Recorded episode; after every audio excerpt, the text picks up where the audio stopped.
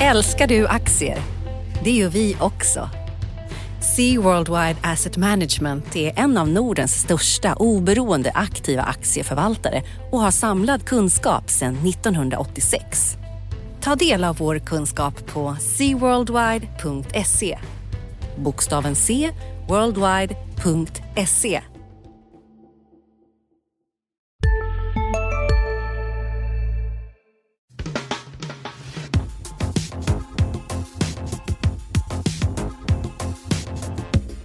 Analyspodden från Dagens Industri.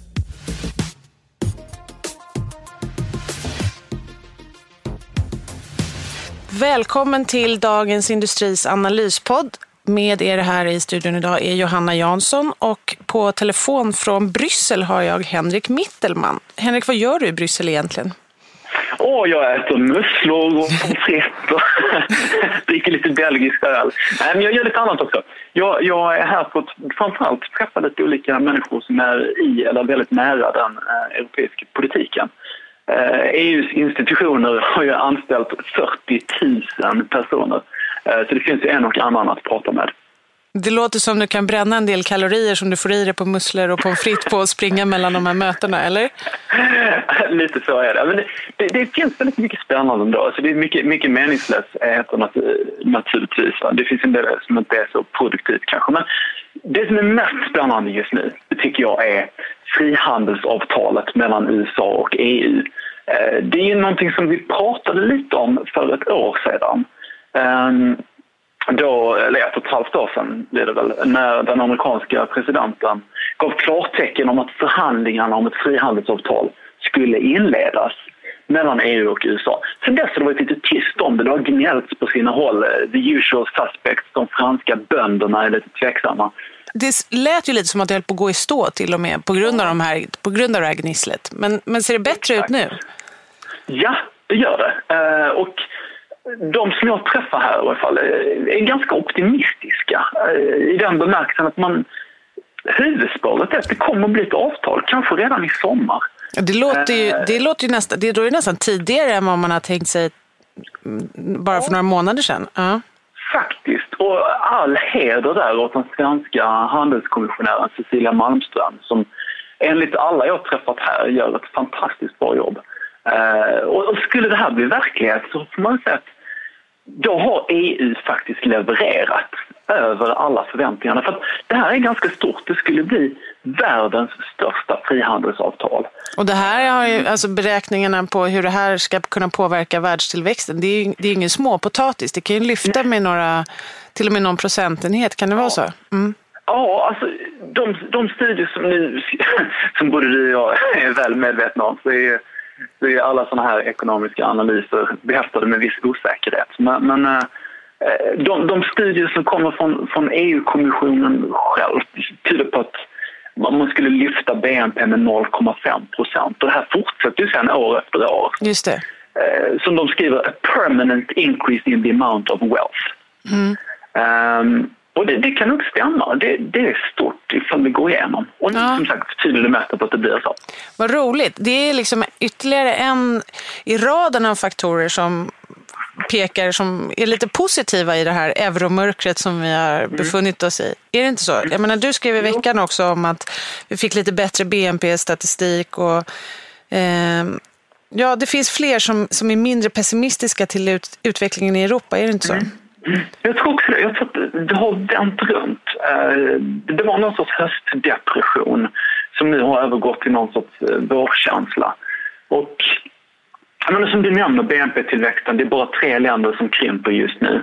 Eh, Finland, Cypern och Grekland. Men även där börjar det se lite, lite bättre ut, åtminstone i Finland. Men, men och de, här, de här sentimentindikatorerna, konsumentförtroende, företagsoptimism har ju alla vänt runt. Eh, så det ser ju bättre ut. Sen är det klart att allting är ju relativt och eh, det, vi pratar om tillväxttakter på kanske en och en halv procent eller något sånt. Just det. Eh, det är kanske inte så mycket att, mycket, mycket att glädjas åt men allting är ju som sagt relativt och utifrån ett europeiskt perspektiv är det ganska bra drag. Ja, och i alla fall bättre än vad det har varit tidigare. Men eh, när det gäller, jag menar, nu ser det ser lite bättre ut och euroområdet, vi pratade ju också om i höstas att det kunde bli årets bubblare, att man mm de överraskade positivt medan USA istället överraskade kanske lite på det negativa hållet. Och USA mm. har ju haft lite problem, de har väderrelaterade problem och de har strejker och annat som har gjort att deras siffra har kommit in lite sämre här sista tiden. Men, men, eh, men hur, och du säger så här, ja men det är, det är en och en halv procents tillväxt, det är, det är helt okej okay, men det är ju inte liksom jättebra. Vad betyder det här egentligen för, för börsen, alltså europeiska aktier? Jag menar, de har ju varit lågt värderade jämfört med USA tidigare och mm. utdelningen i europeiska bolag är väl ändå, har varit hyfsade. Så här. Ska man köpa Europa nu? Ja, men jag tror att det är fortfarande så att det, det, finns lite kvar av överraskningar i Europa. Alltså det finns fortfarande väldigt många som tror att Europa kommer att falla ner i någon sorts svart hål. Och där finns det väl möjlighet att liksom bli lite, lite positivt överraskad. Samtidigt har ju ribban höjts Mm. Uh, nu, nu, är det fler som pratar om det här att Europa har vänt runt och börsen har ju gått starkt också. Mm. Ska vi inte glömma, Europa har ju outperformat USA mm. ganska rejält. Um, men, men, på något sätt så får man väl lite den där känslan av att rekylriskerna på börsen har ökat. Det har gått väldigt, väldigt bra nu under framförallt inledningen av året. Det har ju aldrig, aldrig tidigare, eller förlåt, sedan år 2000 har ju börsen aldrig stigit så här mycket i januari, februari. Nej. Och jämförelser med 2000 känns ju lite obehagliga. Jag menar överhuvudtaget, det som hände. ja. Men det, de dyker upp på många ställen och en, en annan jämförelse med 2000, eller 99-2000 var ju faktiskt också att eh, då 99 inledde den amerikanska centralbanken räntehöjningar igen. Mm. Eh, i, ja, i, i gradvis takt då för att ja. stävja liksom, inflationstryck och starkare tillväxter. Och det står vi också inför inför året här. Har du några men, tankar ja, kring det? När, när, när kommer den då? Ja, det ska jag berätta för dig. ja, jag, jag, är helt, jag är övertygad om att inte ens Fed själva vet när de kommer. Och det är klart man kan, alla kommer ha olika bedömningar om det här. De har ett antal möten som de kan välja på under året. Jag tror absolut men konsensusprognosen är absolut att det kommer någonting i år. Jag tror, mm. Precis som vi brukar beskriva ekonomin i USA så är det ju inte, det är ju inte en ekonomi som ska ha 0 ränta egentligen. Så de är nog sugna mm. på att ta bort den för att minska riskerna med en låg ränta för länge. Samtidigt vill man ju inte vara, särskilt inte eh, Janet Yellen som är en riktig ränteduva vill ju inte vara den som kväver återhämtningen i förtid. Så att, därför så står de ju och väger. Jag tror så här, absolut tidigast juni. Eh, förmodligen i september, men säkert är de inte osugna på att ta det senare också. Jag tror att de hellre felar åt liksom, att komma för sent än att gå för tidigt. Så att eh, jag tror, ja, Någonstans där. Det är, det är det som ligger i korten just nu. Och det är väl en rimlig prognos. Men jag tror att det som kommer hända framöver är framförallt att de kommer vilja lätta upp så att de inte binder sig vid masten för någonting. Utan att man kan liksom följa den inkommande statistiken så att man ja, men, kollar på hur går det på arbetsmarknaden, hur går lönerna, eh, hur funkar det i omvärlden, kommer Europa ryckas upp i det här träsket? Jag menar, då är det också en positiv faktor för USA. Mm. Hur bekymrad är den amerikanska centralbanken över valutaförstärkningen? Alltså, jag, tro, jag tror inte så särskilt bekymrade. Sen kanske man kan tycka att det är fel att de inte är det, att det kommer att ha större effekter än vad de tror. Men USA är ju en ganska sluten ekonomi. Fed mm. gör inte ens... De tittar inte på växelkursen som... Den är inte lika viktig för dem som, som kronan är för den svenska ekonomin. Det är jag helt övertygad om. Men, eh, men det är klart att det, det, spelar roll på marginalen, men, men inte alls på samma sätt. Men jag tänker på det här med just med bubbelrisker eller att man jämför med 99-2000 och sådär. Är det här vi ser just nu ändå de här positiva, lite bättre i Europa och USA kommer på fastare och fastare mark. Är det liksom, bygger vi upp fundamentet på det här eh, skrangliga huset som centralbankerna har blåst upp senaste åren så att vi liksom kan motivera en fortsatt börsuppgång? Eller vad, vad, tror, vad är din känsla? Ja, men allting ser ju ut som slott när pengar är gratis. Alltså pengar är billiga och då ska allting annat bli dyrt. Och nu har allting annat blivit dyrt. Och eh, det är klart att jag menar, du, du, du refererar till 1999-2000. Nu, nu är det liksom 15 år sedan vi hade toppen på Stockholmsbörsen. Ehm, eh, mars 2000. Och det, jag tycker vår kollega Micke Wilenius skrev en väldigt bra artikel om det här eh, häromdagen i tidningen. Där han, eh, han liksom jämför dagens situation med just år 2000 eh, och inleder med de här likhetstecknen som ändå finns. För att aktiekurser som stiger i stort sett varje dag och noteringssugna ägare som har bråttom att, att uh, servera både mogna och mindre börsfähiga bolag och så vidare. och så vidare. Det finns mycket som, som liksom påminner om år 2000 men det som möjligen är lite positivt här och nu uh, det är väl dels att värderingen är trots allt lite lägre än vad den var då. Vi har inte de här extrema P talen De är högre än snittet, absolut, men det ska de väl kanske vara givet att, givet att vi börjar är så låg. Um, så, så, högre än, än genomsnittliga P tal men trots allt inte uppe på de där enorma P talen som vi hade år 2000. Och sen den andra biten som kanske är lite hoppfullt, det är väl ändå att Alltså, även ifall folk börjar tro att Europa överlever så är det fortfarande ingen sån här riktig optimism. Just nu pågår vår stora season sale med fantastiska priser på möbler och inredning. Passa på att fynda till hemmets alla rum, inne som ute, senast den 6 maj. Gör dig redo för sommar. Välkommen till Mio. CSRD, ännu en förkortning som väcker känslor hos företagare. Men lugn, våra rådgivare här på PWC har koll på det som din verksamhet berörs av. Från hållbarhetslösningar och nya regelverk till affärsutveckling och ansvarsfulla AI-strategier. Välkommen till PWC. Men det är ingen som tror att det blir någon fantastisk tillväxt och något fantastiskt drag i västvärlden. Um, så där kanske det kan överraska lite till. Ja, och det... Varför det? Varför det? Ja, alltså jag beskrev ju euroområdet som årets bubblare i slutet av förra mm. året. Så att, mm. ja, men jag, jag tror att det här med den svagare euron, ECBs stimulanser och sen också att USA faktiskt tar fart. Det är de tre faktorer som talar för Europa nu. Därför att mm. det, är, det är klart att det påverkar. USA är fortfarande, ja, det beror ju lite på hur, exakt hur man mäter, men det är världens största finanscentrum och ja, i alla fall en av de största ekonomierna med liksom en mm. potential att importera från andra områden. Så att, att USA går bra, det är bra för hela världen.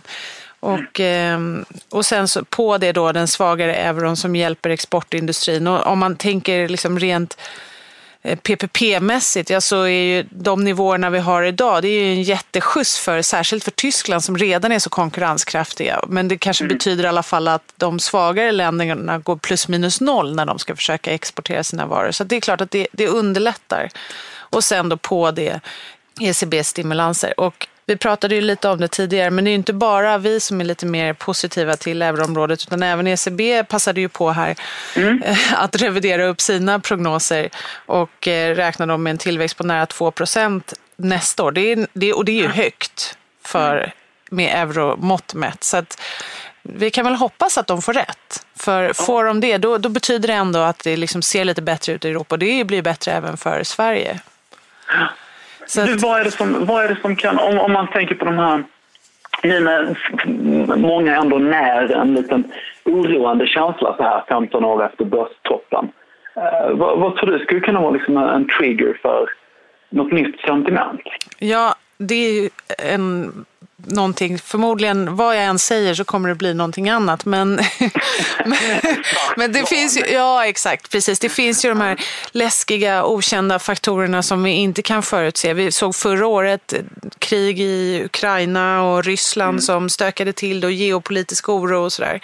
Nu verkar det ha lugnat ner sig. I alla fall så investerarnas vårkänslor har förträngt de här andra mm. mörkare, mörkare krafterna. Men det är klart att Kina är ett orosmoment eh, och det finns, det finns andra liksom lurande faror som sagt. Men, men så här i närtid så är det ju svårt att se någonting som ska vara tydligt ändra bilden. Och bara tittar vi fram och blickar framåt mot nästa vecka så så liksom, de kommande veckorna så är det ganska tunna agender. Vi har Feds eh, möte här om två veckor. Det kan ju bli en, intressant, men jag tror inte att det är någonting som, som kommer ändra bilden.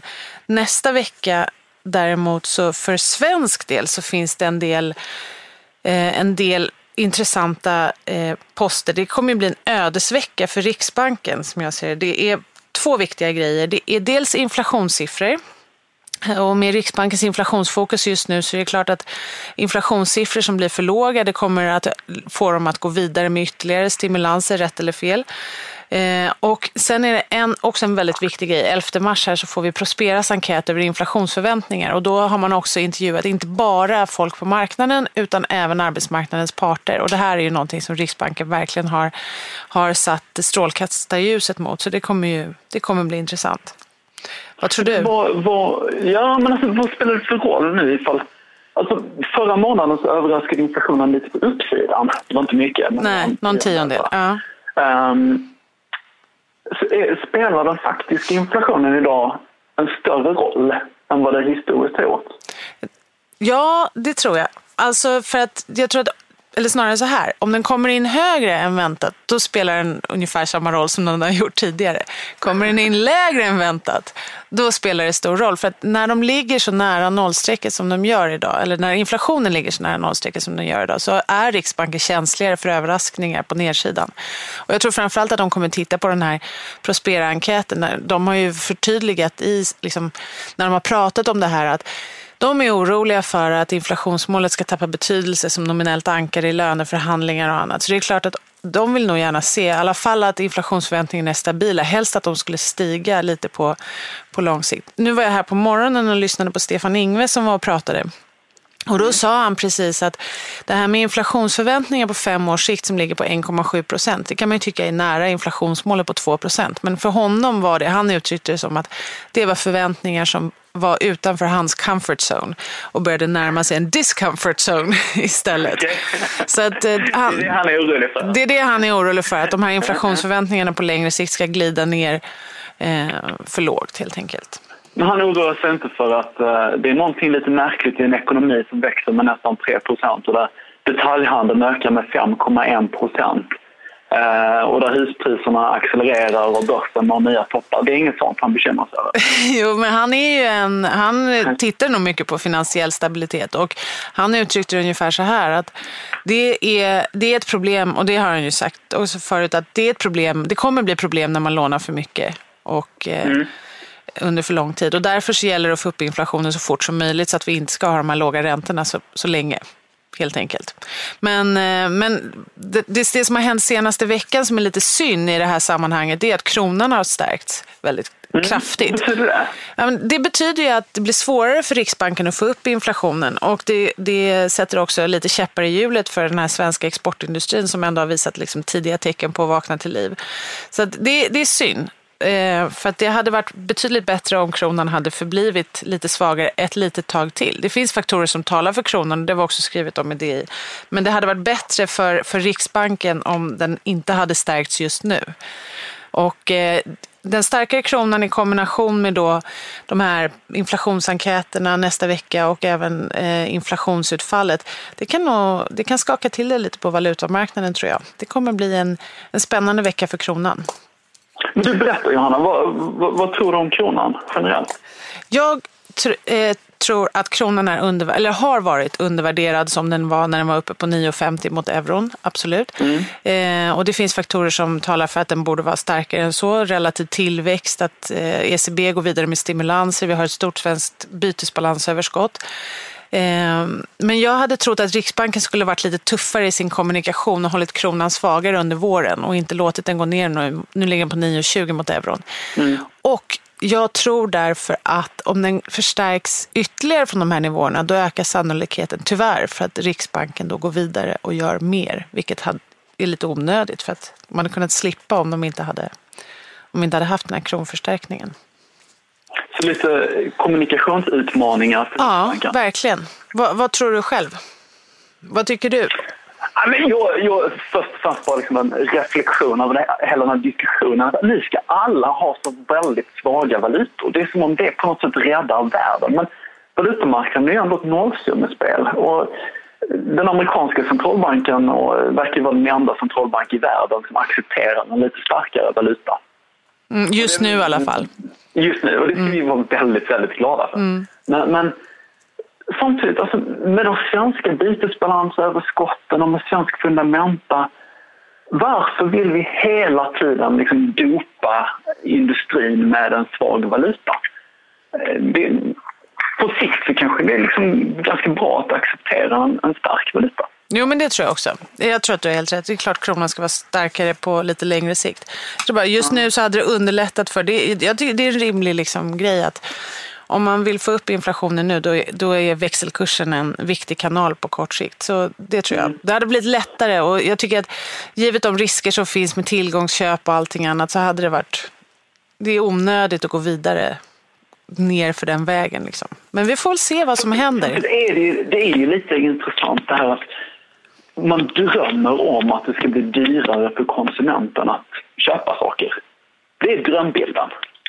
Ja, eller så här. Jag tror så här, men den här diskussionen den, den, kommer vi, den får vi ta i nästa podd om vi ska hinna med den kanske. Men, det kan bli ett eget litet program. Men jag tror så här, om man, vill, om, man vill, om man vill ha lägre priser på allting, om företagen ska sälja allting billigare, då måste vi som konsumenter också acceptera att våra löner ska sänkas. Och det vet jag inte riktigt om alla är lika pigga på. Jag skulle inte vara det i alla fall. Men... det blir billigare att vara på ICA. Ja, precis. Det, vi får bara ta ett race to the bottom även där. Men, eh, men hur som helst, för nästa, om vi ska knyta ihop den här lilla, den här, den här poddsäcken då. Ja, men det jag tycker är viktigt att ta med sig, som vi pratade om inledningsvis, det är ju det här med handelsöverenskommelsen. För det är ganska stort. Alltså, vi har en europeisk ekonomi som gradvis återhämtar sig och så kan man få lite extra skjuts genom den europeiska centralbanken, både låga räntor och obligationsköp och så dessutom ett frihandelsavtal med USA. Då kan det börja hända saker även här. Bättre tider för Europa alltså? Ja, i den mm. bemärkelsen. Mm. Det låter positivt. Vårkänslorna ja. får fort, fortgå ett tag till i alla fall. Exakt. Mm, det låter bra. Men eh, ha det så bra då och eh, njut av din belgiska öl och dina, dina musslor och pommes frites så länge. Ja. Tack detsamma. Ja, ha det gott. Hej. Analyspodden från Dagens Industri. Programmet redigerades av Umami Produktion. Ansvarig utgivare Peter Fellman.